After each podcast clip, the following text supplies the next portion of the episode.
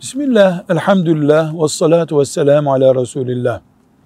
İnsanın kaderine, elindekilere, Allah'tan gelene razı olması, razı olan insan olmak nasıl sağlanabilir?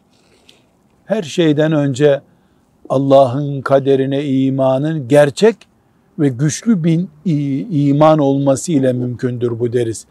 İnsan ne kadar güçlü bir kadere imanı varsa o kadar Allah'tan razı olur.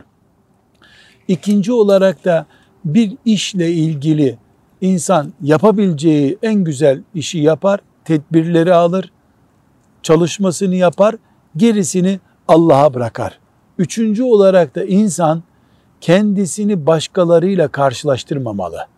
Güzelliğini, malını, imkanlarını, annesini, babasını, çocuklarını başka birileriyle karşılaştırmamalı. Herkesin kendisi tek başına kendisidir. Dördüncü olarak diyoruz ki mal bir araçtır. Hayatın kendisi değildir.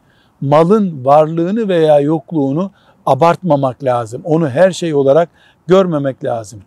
Ve beşinci olarak da tavsiyemiz insan dertli de olsa Allah'ın diğer dertli kullarına bir bakması lazım.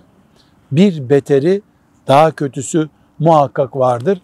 Ve altıncı tavsiyemiz de muhakkak zikir yapan kul olmak lazım.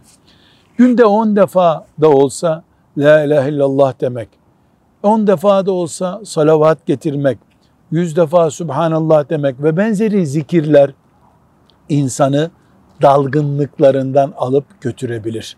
Velhamdülillahi Rabbil Alemin.